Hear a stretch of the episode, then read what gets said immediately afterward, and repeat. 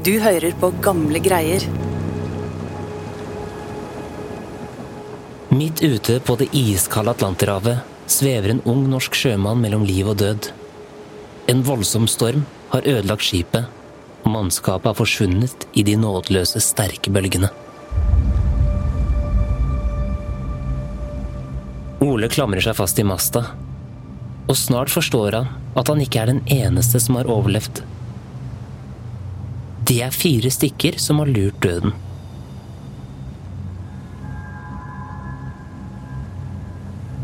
Men gleden er kortvarig.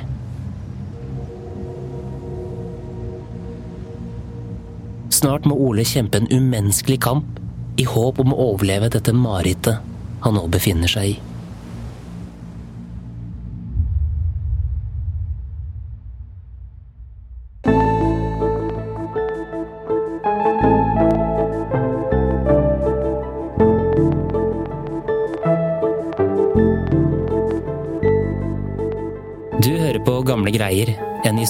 historiepodkast fra Nasjonalbiblioteket. Jeg heter Lars Hamren Risberg.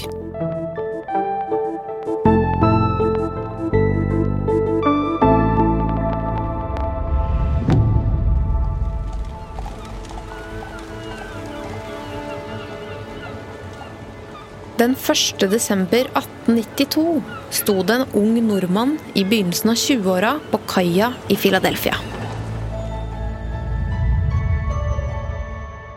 Live Fele Nilsen, historiker og journalist på Nasjonalbiblioteket.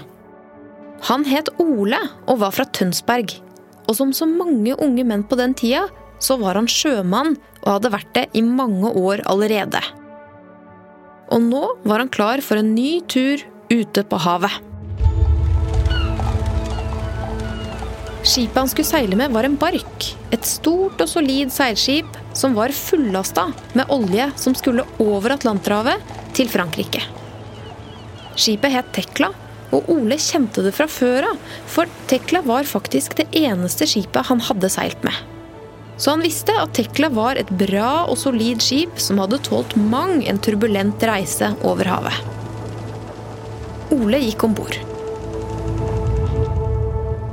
Skipet kasta loss og satte kursen ut mot havet.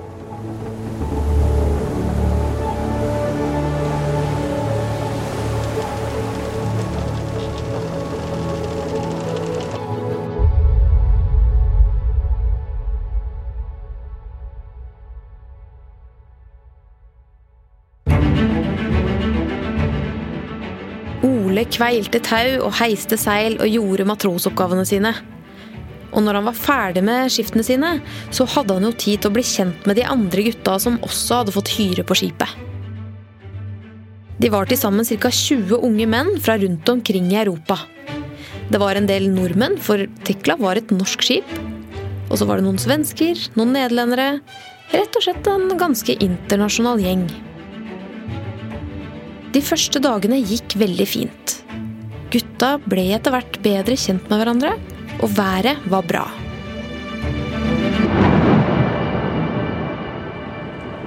Men en dag så fikk de øye på noen mørke skyer i horisonten. De mørke skyene kom nærmere og nærmere, og vinden begynte å ule rundt dem.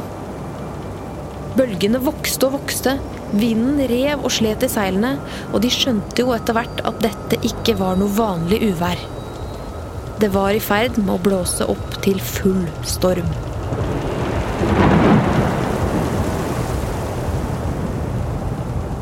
Ole og de andre matrosene ble beordret til pumpene for å få unna sjøvannet som bølgene kasta over skipet. Men det gikk ikke fort nok. De var i ferd med å miste kontrollen. Så hørte de lyden som alle sjømenn fryktet. Lyden av seil som revnet.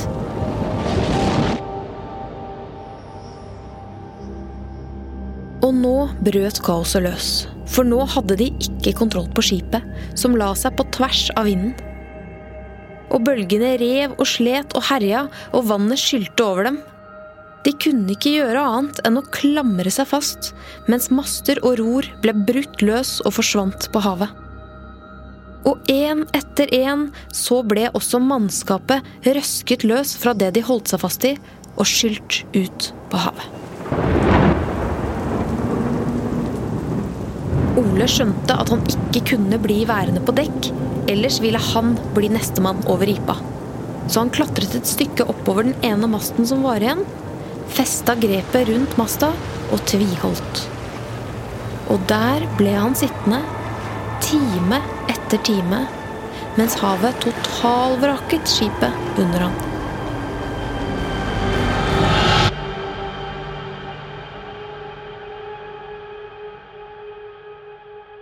Natten kom, men han visste at han ikke kunne sovne, for da ville han falle ned og drukne.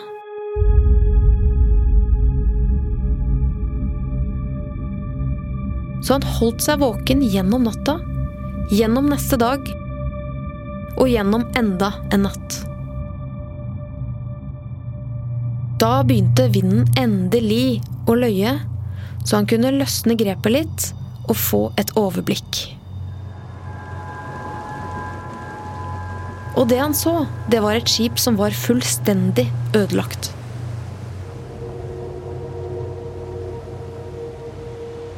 Det var et under at deler av det fortsatt fløt. Kahytten var revet vekk, alt som kunne styre skipet var borte, og de aller fleste av mannskapet var også borte.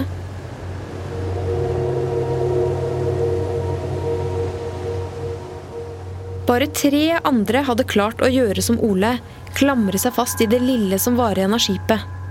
En annen ung nordmann, en litt eldre svenske og en nederlender.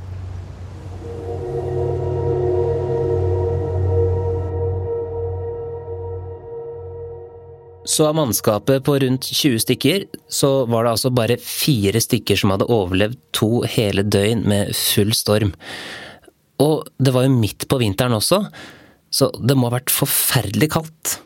Ja, iskaldt, for det var jo desember. Faktisk så hadde det seg sånn at det var selveste julaften.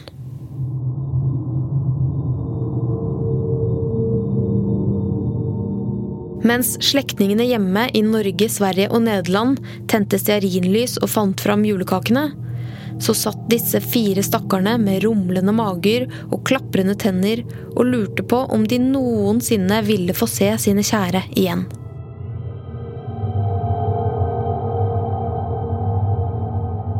Det eneste håpet de hadde, var at noen skulle komme og redde dem.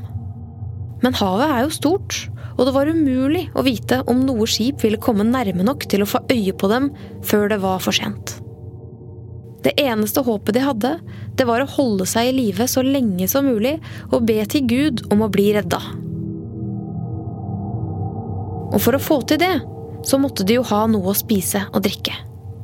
Så de bestemte seg for at nå som vinden hadde løyet, så måtte de ta sjansen på å slippe taket i det de holdt seg fast i, og komme seg på dekk for å se etter noe som kunne brukes for å overleve. De fant noen redskaper her og der, en øks og et øsekar og noen andre ting som stormen ikke hadde tatt med seg. Men ellers var skipet fullstendig ribba. Alt av mat og vann var borte. De kunne jo prøve å fange noen fisk, men de hadde jo ikke noe å fange den med. Og vannet var iskaldt, de måtte passe på at de ikke datt i vannet, for da kunne det bli vanskelig å få varmen igjen, og da kunne de dø av kulde. Så de måtte etter hvert gi seg med uforretta sak, og det var fortsatt ganske urolig på havet. Så de klatret opp i masta igjen og gjorde seg klare for nok en natt uten mat og drikke.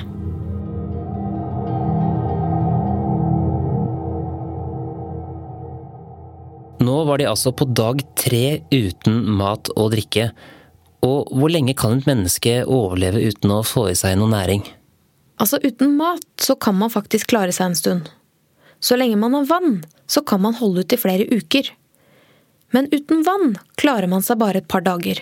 Så de begynte allerede å nærme seg et kritisk punkt her.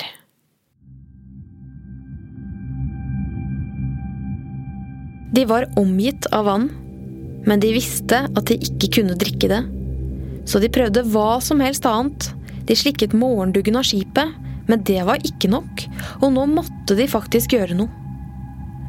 Så de gjorde det man absolutt ikke skal gjøre. De drakk sjøvann.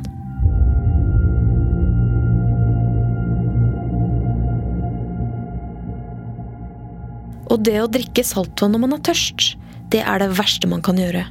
For saltet tørker ut kroppen enda fortere. Og det var nettopp det som skjedde. Etter mange dager uten vann så var de så dehydrerte at de begynte å føle seg litt rare i hodet.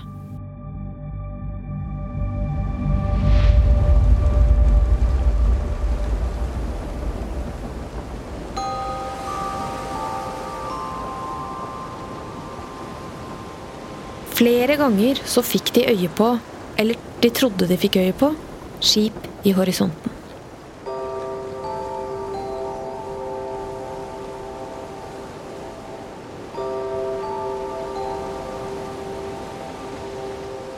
Men hver gang så forsvant de igjen, eller passerte for langt unna til at de ble sett.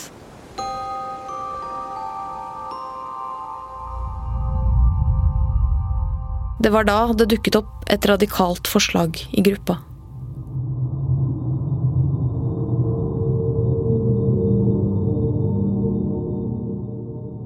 En av dem måtte ofre seg.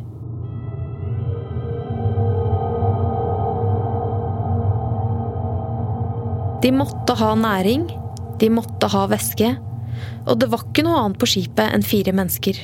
Og blodet til et menneske inneholder mye væske. Og det forslaget, det var kanskje ikke så sykt som det høres ut som.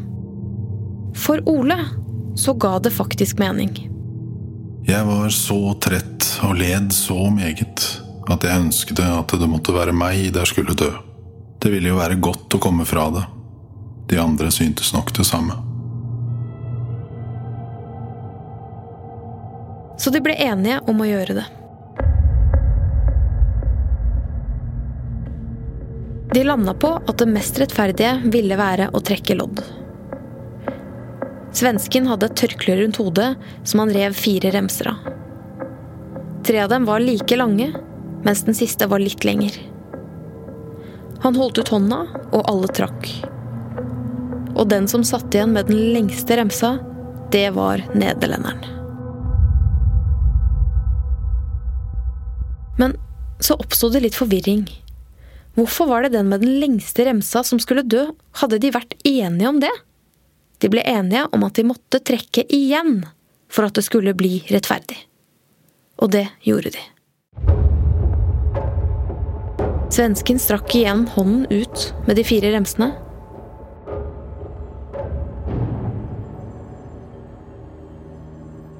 Og denne gangen så var det også nederlenderen som fikk den lengste. Det måtte bli han nå. Nå hadde han jo faktisk trukket den lengste remsa to ganger. Så de la han på dekk og holdt han fast.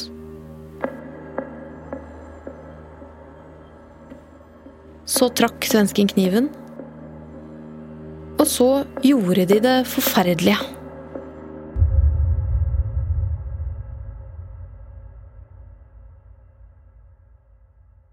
De tok livet av kameraten sin, drakk blodet hans og spiste av den døde kroppen hans.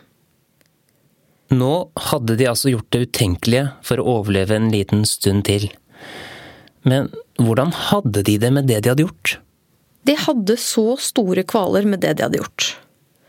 Selv om de hadde fått i seg noe næring, så var det en tilleggsbelastning som gjorde at de holdt på å gå fra vettet alle tre. Nemlig at liket av nederlenderen lå på dekk og stirra på dem med tomme øyne.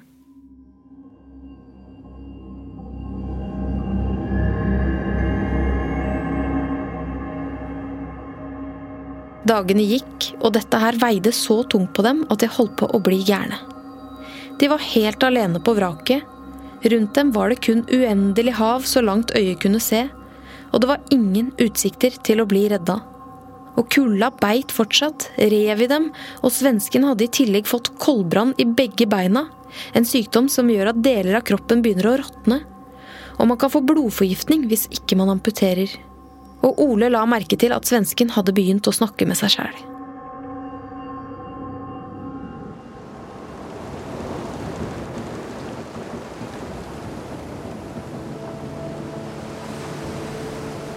Men etter tre dager så skjedde det noe.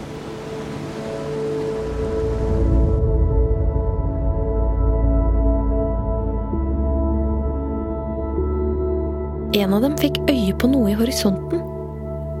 Seil.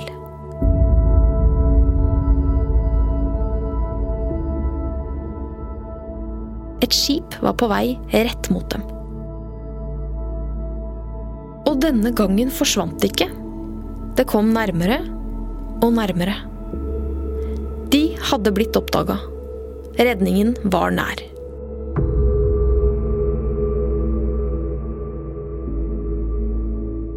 En livbåt ble satt på vannet. De tre iskalde, fortumlede skipbruddene ble henta over til varmen og tryggheten.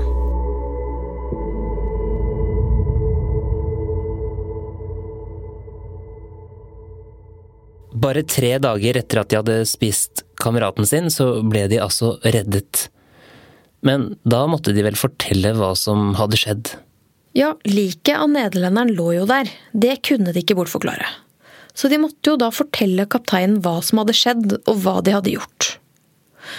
Og det de hadde gjort, altså drept og spist et annet menneske, det var en forferdelig forbrytelse, og det måtte de selvfølgelig svare for. Så da skipet satte kurs mot land, så var de faktisk å regne som fanger.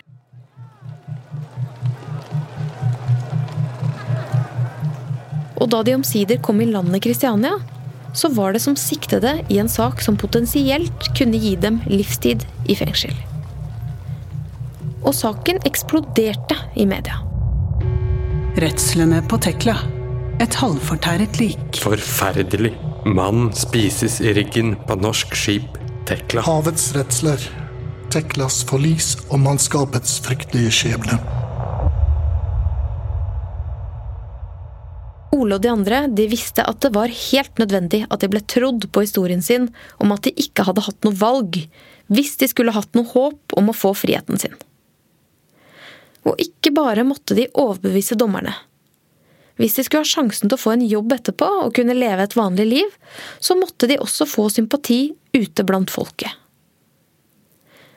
Så de møtte opp i retten for å forklare seg, og mellom forhørene så snakket de med pressen, som fikk komme inn på cellene deres.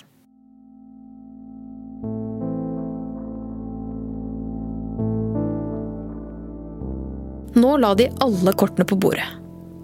De fortalte om veddemålet, og om hvordan alle var med på det, og at nederlenderen ikke hadde protestert på at det var han som skulle bli ofra.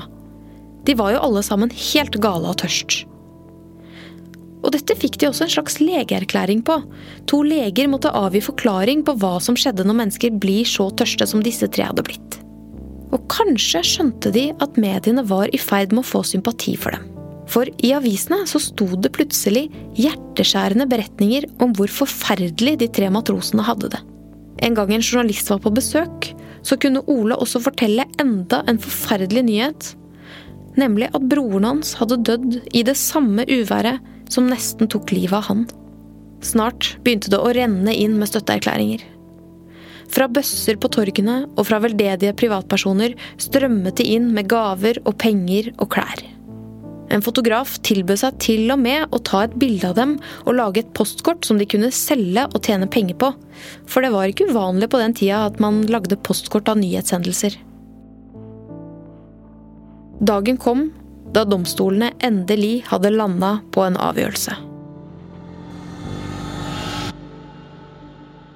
Vi antager at de ovennevnte siktede matrosene i tiden for den påklagede handling befant seg i en ytterliggående hungertilstand, og sannsynligvis innen kort tid ville være omkomne dersom de ikke hadde grepet til den fortvilede handling, at ingen av dem allerede på den tid var sinnssyk.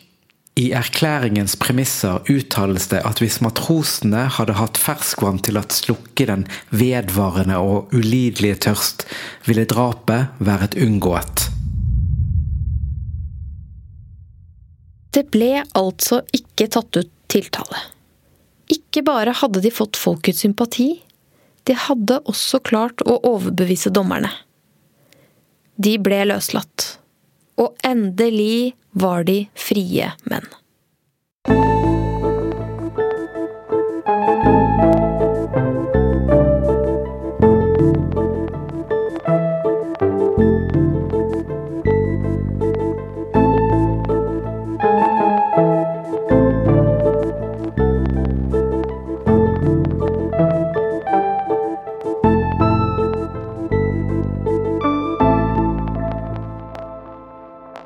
Og de tre andre fortalte den hele sannheten, det får vi aldri vite. Vi har bare deres vitneforklaringer å forholde oss til. Men at de tre unge mennene ble merket for livet av det som hadde skjedd, det er det mye som tyder på.